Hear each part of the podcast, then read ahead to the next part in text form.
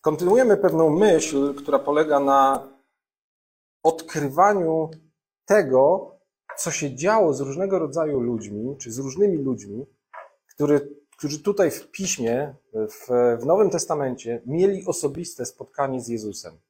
Na jakimkolwiek poziomie, w jakiejkolwiek sytuacji, w jakichkolwiek okolicznościach. I mam nadzieję, że dzisiaj to nie potrwa za długo, bo materiał jest krótki.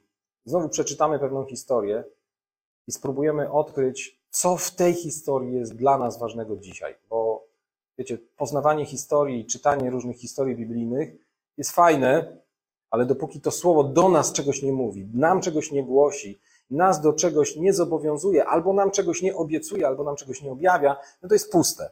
Więc otwieramy teraz, żeby troszeczkę przyspieszyć e, myśl, otwieramy dziewiąty rozdział Ewangelii Jana i tam przeczytamy historię spotkania Jezusa z pewnym człowiekiem. On nie ma w tej historii, jeśli dobrze pamiętam, imienia, może gdzieś tam trafimy, ale wydaje mi się, że on akurat nie ma imienia. Więc e, w tytule, dlatego powiedziałem, że tytuł kazania będzie taki trochę długi, no bo nie będzie spotkanie z Jezusem i tam imię, tylko będzie spotkanie, jak pewnie widzicie, ze ślepym od urodzenia. I dziewiąty rozdział Ewangelii Jana zaczyna się tak. Przechodząc, Jezus, przechodząc, zobaczył człowieka ślepego od urodzenia. I widząc pewnie to, że, że go zauważył, e, uczniowie go zapytali, mistrzu, kto zgrzeszył? On czy jego rodzice, że się urodził ślepy? Jezus odpowiedział, ani on nie zgrzeszył, ani jego rodzice, ale stało się tak, żeby się na nim objawiły dzieła Boga. Tutaj mała pauza. W ogóle zobaczcie, jakim tokiem rozumowania idzie rozumowanie uczniów. Naprawdę to jest rozumowanie, które bardzo często, nie wiem czy wy tak macie, ale ja po prostu mogę się przejrzeć w nich bardzo często. Bo, bo wiecie, Jezus idzie i ma na myśli człowieka, który widzi, że jest ślepy od urodzenia i to jest jakby jego, zaraz zresztą dojdziemy do tego, co się w głowie Jezusa wtedy zrodziło. On zobaczył człowieka, któremu chciał pomóc i zobaczył od razu mnóstwo rzeczy, całą symbolikę tej sytuacji, która tam ma miejsce. Za chwilę ją odkryjemy. Ale uczniowie co? Dla nich jest ciekawe, czy on zgrzeszył, czy jego rodzice. Co się stało, że ta sytuacja? I my bardzo często do Boga też tak podchodzimy. My Boga chcemy zaangażować do jakichś naszych rozkmin, do jakichś naszych, wiecie, dywagacji, do jakiegoś naszego, naszej próby zrozumienia rzeczywistości, próby zrozumienia świata. Boże, powiedz nam, jak to jest. Panie, no skoro już tu jesteś przy nas, to powiedz, jak się sprawy mają z tym ślepym. On zgrzeszył czy rodzice? My dzisiaj byśmy powiedzieli, na przykład, nie wiem, takie możemy mieć dywagacje, to czy on, nie wiem, jest wierzący czy niewierzący? Czy jako wierzący może doznać uzdrowienia, czy jako niewierzący może doznać uzdrowienia? I czy lepiej my go uzdrówmy, czy go wyślijmy do lekarza? Czy do terapeuty, czy gdzieś tam? Wiecie, różne ludzie mają rozkminy. I próbujemy w to zaangażować Jezusa. Ale to jest tylko wątek poboczny. Jezus powiedział to, co powiedział. I w czwartym wersecie wracamy do czytania, mówi: Ja muszę wykonywać dzieła tego, który mnie posłał, dopóki jest dzień. Nadchodzi noc, gdy nikt nie będzie mógł działać. Dopóki jestem na świecie, jestem światłością świata. Zauważcie, w jakim kontekście, o czym Jezus mówi. Mówi o świetle, o ciemności, o tym, że w ciemności nie widać, światło jest potrzebne, żeby było widać. Ja specjalnie teraz to naprawdę podkreślam, bo zauważcie, mamy do czynienia z człowiekiem, który nie widzi. Jezus mówi o świetle. I co robi? To powiedziawszy, splunął na ziemię, zrobił błoto ze śliny i pomazał tym błotem oczy ślepego. Swoją drogą dość obrzydliwe. Musicie przyznać. W taki sposób. Hmm.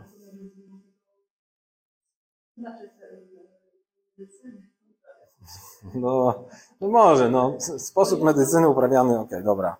I powiedział do niego, idź, umyj się w sadzawce Siloam, co się tłumaczy posłany. Poszedł więc, umył się i wrócił, to nie mogło być daleko, widząc. Wrócił widząc. Wyobraźmy sobie, wiecie, tutaj naprawdę Jan bardzo zdawkowo opisuje tę sytuację, ale ona musiała być pełna naprawdę dramatyzmu.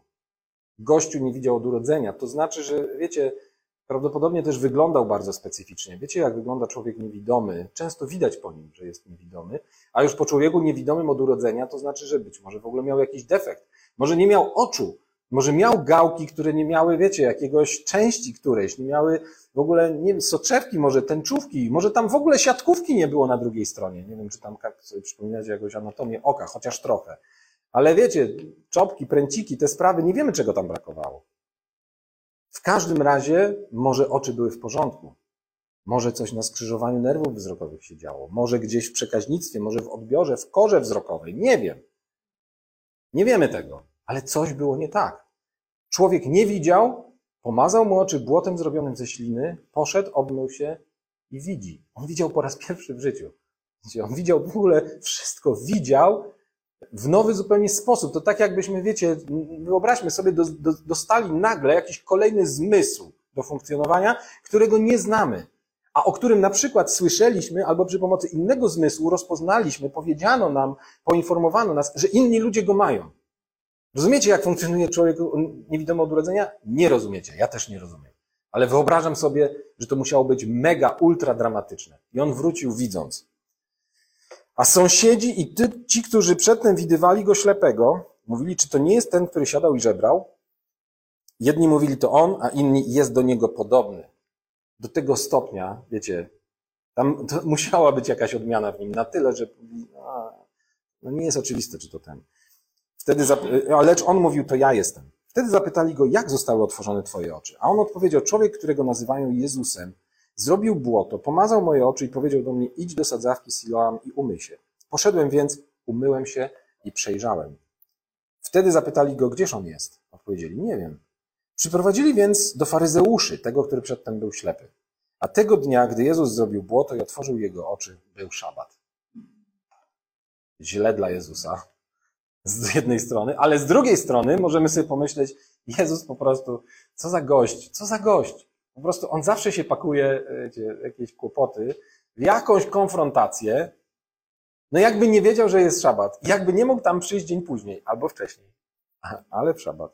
Dobra. To jest w ogóle takie fajne, fajne to zdanie jest, nie wiem, czy zwróciliście uwagę, ale po prostu jak w Biblii się pojawia coś takiego. Był szabat, a tego dnia był szabat. Wówczas również faryzeusze spytali go, w jaki sposób przejrzał, a on im odpowiedział, nałożył mi błoto na oczy, umyłem się i widzę. Wtedy niektórzy z faryzeuszy powiedzieli, ten człowiek nie jest z Boga, bo nie przestrzega szabatu. Inni natomiast mówili, jak może grzeszny człowiek czynić takie cuda? I nastąpił wśród nich rozłam. W ogóle zauważcie, że ten rozłam to tam był taki, że pewnie byśmy nie, nie stanęli w ogóle, bardzo często rozłamy wśród gdzieś tam faryzeuszy uczonych w piśmie, to są takie rozłamy, w których jak się dobrze im przyjrzymy, to nie stanęlibyśmy po żadnej ze stron. No bo ani szabat to już w ogóle, co, co nam tutaj wiecie, robienie komuś cudu i uzdrawianie kogoś, co ma szabat w ogóle do tego, ale z drugiej strony, jakby ten człowiek nie był, e, jakby ten człowiek był grzeszny, to jakby mógł czynić takie cuda. My też wiemy, no jakby, co to ma w ogóle wspólnego. No. Nastąpił rozłam. Dobrze im tak, można powiedzieć. Zapytali więc znowu ślepego, co mówisz o nim, skoro otworzył twoje oczy? A on odpowiedział, jest prorokiem. To też w ogóle ciekawe. A Żydzi nie wierzyli, że był ślepy i odzyskał wzrok, aż zawołali rodziców tego, który przejrzał. Wiecie, tutaj trudno się znowu jakoś im dziwić bardzo. No bo umówmy się, czy dzisiaj też byśmy trochę podobnie nie reagowali? Jeszcze jakbyśmy wiedzieli, że Jezus i że to jest ten Jezus i że to jest Syn Boży i to jest Chrystus obiecany i tak dalej, no to, to prędzej. Ale jakiś gość, którego nazywają Jezusem, sami byśmy, wiecie, zaczęli się po prostu zastanawiać. Może to jakiś szarlatan, może nie wiadomo co, ale najprawdopodobniej, to jest w ogóle nasz yy, umysł logiczny, najprawdopodobniej albo on tylko udawał, że jest ślepy, albo mu się wydawało, że jest ślepy, a tak to zawsze widział. Takie teorie też były. No, wiecie, no. Wtedy niektórzy z faryzeuszy powiedzieli, e, przepraszam, dalej czytamy, Żydzi nie wierzyli i pytali znowu czy, ty, tych rodziców, czy to jest wasz syn, o którym mówicie, że się urodził ślepy? Jakże więc teraz widzi? Odpowiedzieli im jego rodzice, wiemy, że to jest nasz syn i że się urodził ślepy. Lecz jakim sposobem teraz widzi, nie wiemy, ani kto otworzył jego oczy, też nie wiemy. Ma swoje lata, pytajcie go, on sam o sobie powie. Tak mówili jego rodzice, bo bali się Żydów. Żydzi bowiem już postanowili, że każdy, kto wyzna, iż on jest Chrystusem, będzie wyłączony z synagogi. Dlatego jego rodzice powiedzieli, ma swoje lata, jego pytajcie. Wtedy znowu zawołali tego człowieka, który był ślepy i powiedzieli do niego, oddaj chwałę Bogu. My wiemy, że ten człowiek jest grzeszny.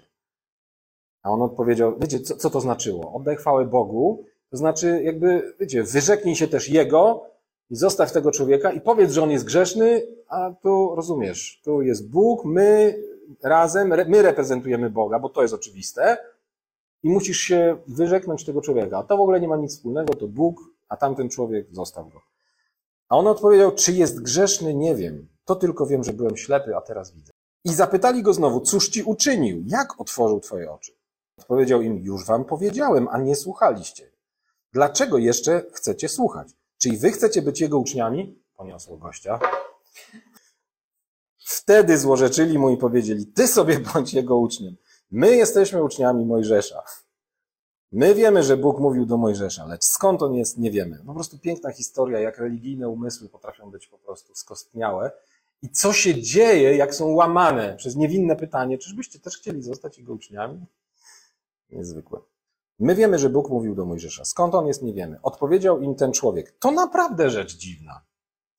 To naprawdę. Następny, który pakował się w kłopoty. Że wy nie wiecie, skąd jest, a otworzył moje oczy. To rzecz dziwna. A przecież wiemy, że Bóg nie wysłuchuje grzeszników, ale jeśli ktoś jest czcicielem Boga i wypełnia Jego wolę, tego wysłuchuje. W ogóle wiecie, to jest genialne zdanie, bo e, przestrzegam przed budowaniem jakiejś doktryny na temat tego zdania. To wiecie, to jest trochę tak, jakby chcieli budować doktrynę na podstawie tego, co na przykład, nie wiem, mówił Hiob albo jego przyjaciele. Niektórzy tak mają. Hiob coś powiedział, to jest w Biblii, więc to jest biblijne. No, no tak, ale wiecie, nie, nie zawsze coś, co jest w Biblii, jest prawdą. W takim sensie, że na przykład ktoś mówi o Bogu kłamstwo. Tak? No nie wiem. Faryzeusze mówili, że ten człowiek jest e, tam, nie wiem, z diabła na przykład. No, albo coś. No, albo tu. Ten człowiek jest grzeszny. No, gdybyśmy to poczytali, no nie jest prawda. Tak samo tutaj. Ja nie, nie, nie chcę, żebyśmy mówili o tym, że to jest prawda, bo Bóg wysłuchuje, Bóg nie wysłuchuje grzeszników. No, Wiemy, że Bóg wysłuchuje grzeszników, ale gościu szedł po bandzie i szedł po prostu na kurs kolizyjny wtedy już z, z, z faryzeuszami. Dobrze mu to szło w ogóle. Od wieków nie słyszano, żeby ktoś otworzył oczy ślepego od urodzenia. Jeszcze dalej, nie? Gdyby on nie był z Boga, nie mógłby nic uczynić. Koniec, kropka. No to oni wtedy już odpowiedzieli mu, urodziłeś się cały w grzechach i śmiesz nas uczyć i wypędzili go precz. Naprawdę, trochę im nie zazdroszczę wtedy, bo mieli, mieli zagwozdkę. No ale dobra. Tu się zaczyna nasza prawdziwa historia. Bo wiecie, my studiujemy, tak jak powiedziałem, studiujemy spotkania ludzi z Jezusem. E, I jak pamiętacie, tydzień temu studiowaliśmy spotkanie Piotra z Jezusem. Jedno konkretne, to na plaży, jak już Jezus zmartwychwstał, ale trochę łapiąc wcześniejszy kontekst. Więc to, co teraz zrobiliśmy, to łapaliśmy kontekst. A teraz jest to spotkanie właściwe. Gdy Jezus usłyszał, że go wypędzili, znalazł go i zapytał, czy wierzysz w Syna Bożego? A on odpowiedział, a któż to jest Panie, żebym w Niego wierzył? I powiedział do niego Jezus, i widziałeś go? I ten, który mówi z Tobą, jest nim. A on powiedział, wierzę Panie. I oddał mu pokłon. A Jezus mu powiedział, przyszedłem na ten świat, na sąd, aby ci, którzy nie widzą, widzieli, a ci, którzy widzą, stali się ślepi. I usłyszeli to niektórzy z faryzeuszy, którzy z nim byli, i zapytali go, czy i my jesteśmy ślepi? Jezus im odpowiedział, gdybyście byli ślepi, nie mielibyście grzechu, lecz teraz mówicie, widzimy, dlatego wasz grzech pozostaje. To jest, to jest koniec historii, bo wiecie, faryzeusze są dodatkowymi beneficjentami. Być może ktoś z nich, kto to usłyszał, mógł się ogarnąć, mógł otrzeźwieć i mógł coś ze sobą zrobić jeszcze. W ogóle to jest dla mnie niezwykłe i najbardziej niezwykłe jest to, jak Jezus, wiecie, jadąc ostro po sercach i po intencjach faryzeuszy, cały czas, cały czas można powiedzieć, nie, nie wiem, czy zwróciliście uwagę, on nie zamyka im drogi. Cały czas droga dla każdego z faryzeuszy jest otwarta. Cały czas droga dla każdego uczonego w piśmie, dla każdego skostniałego religijnego umysłu jest otwarta. Jezus, nie, nie wiem czy zwróciliście uwagę, bo wiecie, naprawdę dużo zależy od tego, z jaką intencją, z jakim celem ktoś przychodzi i coś mówi. Ktoś może powiedzieć, ty grobie pobielany, i będzie to oskarżenie i będzie to akt oskarżenia, pewnego rodzaju wyrok, rozumiecie, który zamyka sprawę. To jest końcowa sentencja. Jesteś grobem pobielanym. I w związku z tym, tak jak sąd ostateczny, dlatego Jezus mówił o sądzie, na sądzie ostatecznym to jest koniec, tak? Tu oddzielamy, tu idą owce, tu idą kozły czy barany. Proszę bardzo, koniec, tu jest koniec.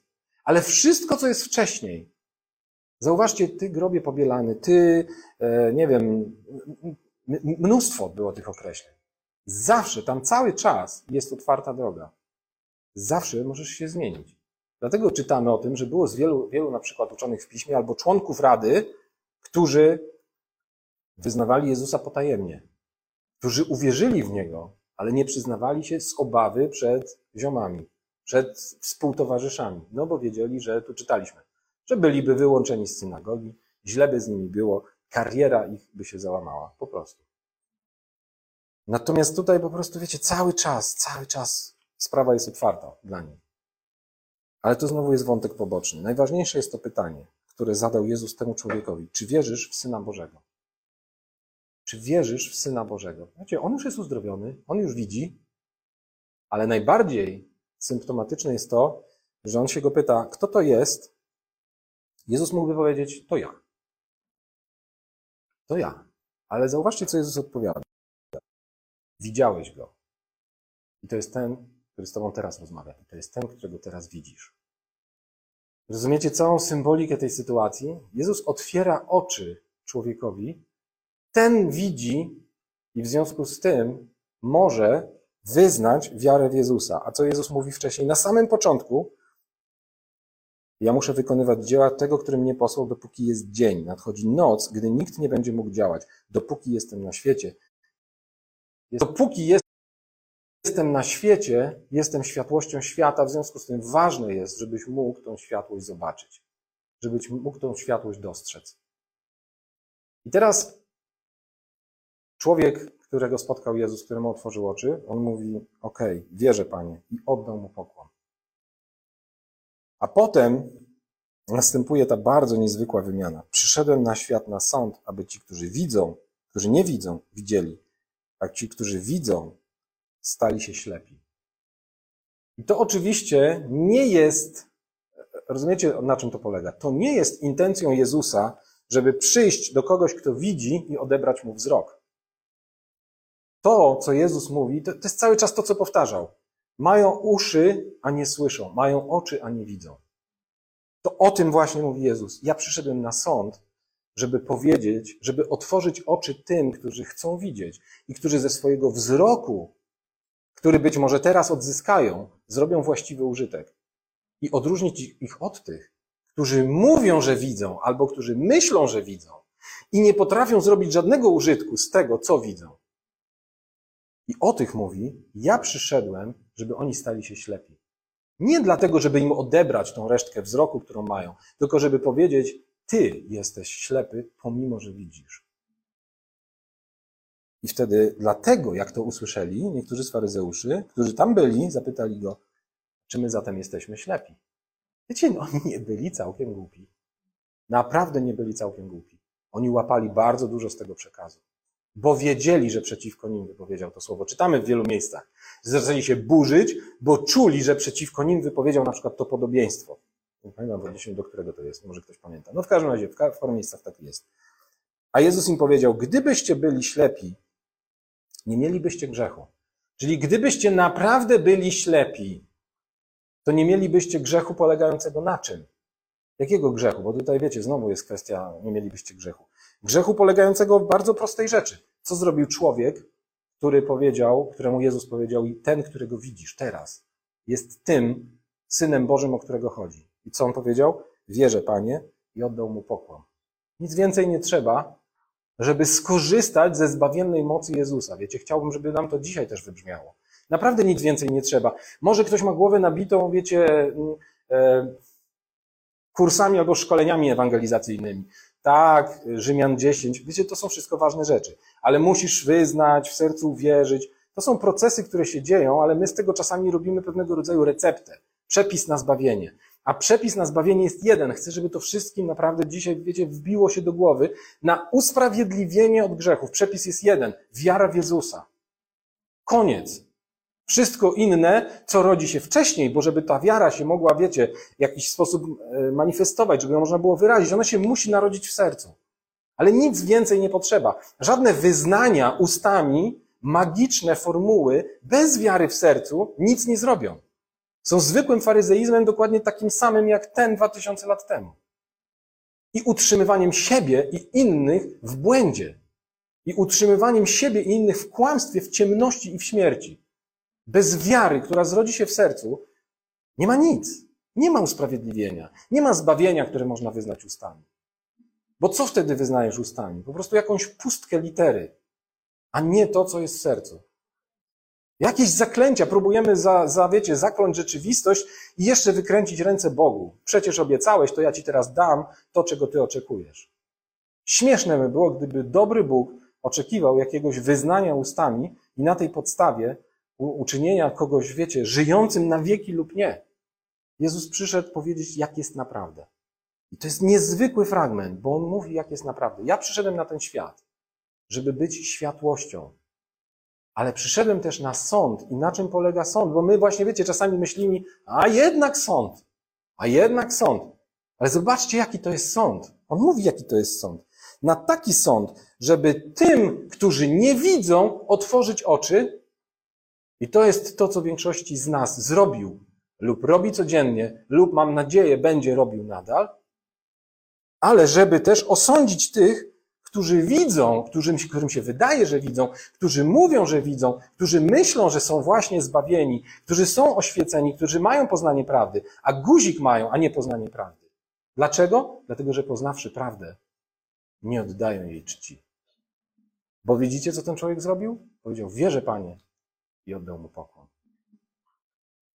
I to są te dwie rzeczy, bo jeżeli wiara zrodzona w sercu jest prawdziwą wiarą, to nie możesz w momencie, w którym ta wiara się zrodzi, zareagować inaczej, jak po prostu oddać mu pokłon.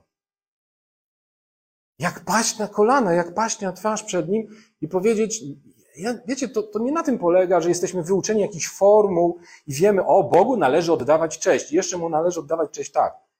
Nie oddanie czci Bogu oznacza, że po prostu wow, nie. Rozumiesz, nie możesz nic zrobić innego.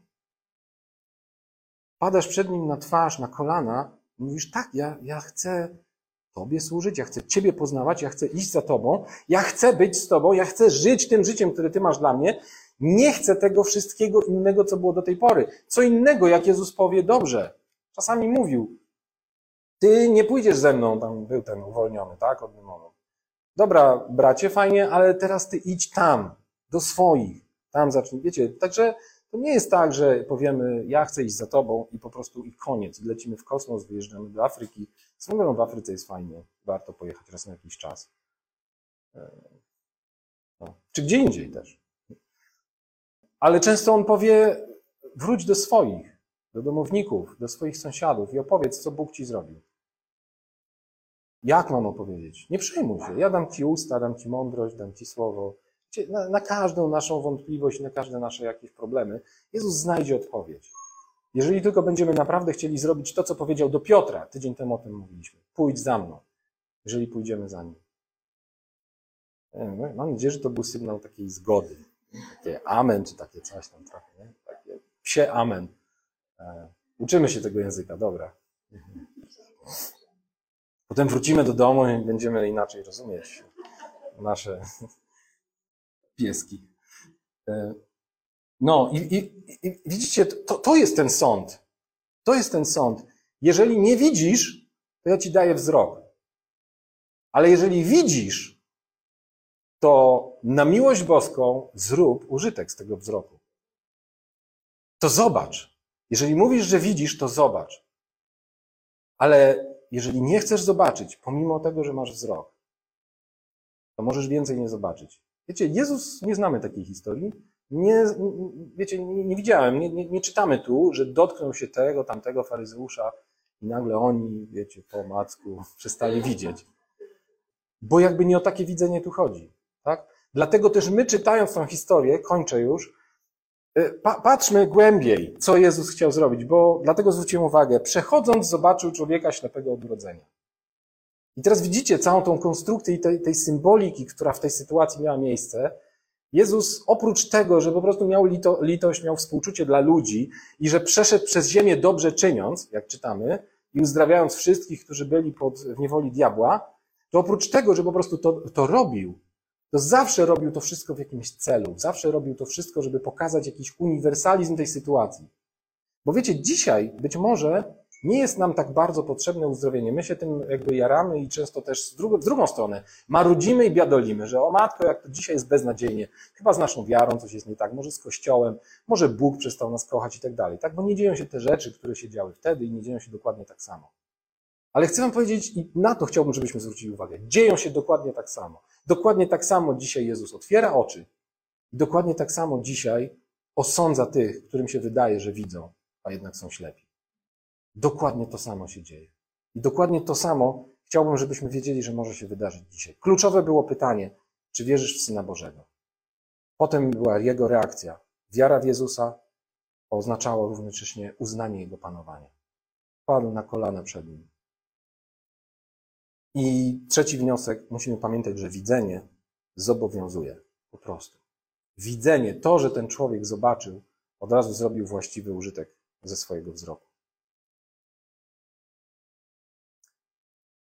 I znowu nie chodzi też tylko o widzenie fizyczne, jak pewnie się domyślacie, bo co powiedział Jezus do Tomasza? Błogosławieni, którzy nie widzieli, a uwierzyli. Ale co oznacza, że nie widzieli? To znaczy, że jednak zobaczyli, nie widząc, nie mając oczu fizycznych. Nie widząc fizycznie, nie mogąc dotknąć, nie wsadzając ręki, jednak zobaczyli. Na tym polega sąd, żeby ci, którzy nie mają oczu, którzy nie widzą, zobaczyli, a ci, którym się wydaje, że widzą, stali się ślepi, przestali widzieć, stanęli w prawdzie. Dokładnie. A, jeszcze jedno nie powiedziałem o tym grzechu. No. Dlaczego? Jakiego grzechu? Nie mielibyście grzechu. E, wiecie, znowu w Ewangelii Jana w 16 rozdziale, pamiętacie, jak, jest, jak Jezus mówi, pożytecznie jest dla was, żebym ja odszedł. Tak? Dlaczego? Bo tam przyjdzie pocieszyciel, a gdy przyjdzie, będzie przekonywał świat o grzechu, o sprawiedliwości i o sądzie. I co powiedzieć dalej? O grzechu mówię, bo nie uwierzyli we mnie. Więc jeżeli można powiedzieć, że ktoś żyje w grzechu, w grzechu, nie wiem, śmiertelnym, w najgorszym, jaki możliwy jest, to jest grzech niewiary w Jezusa. Dlaczego grzech? Grzech w takim sensie biblijnym, tak? To jest chybienie celu. Chybienie celu. Wszystkie cele są bez sensu, jeżeli nie celujemy w ten najważniejszy, który polega na wierze w Niego i uznaniu Go, że to jest obiecany Syn Boży, to jest Chrystus i oddaniu Mu pokłonu i pójściu za Nim. Wszystko inne dopiero następuje potem. Amen?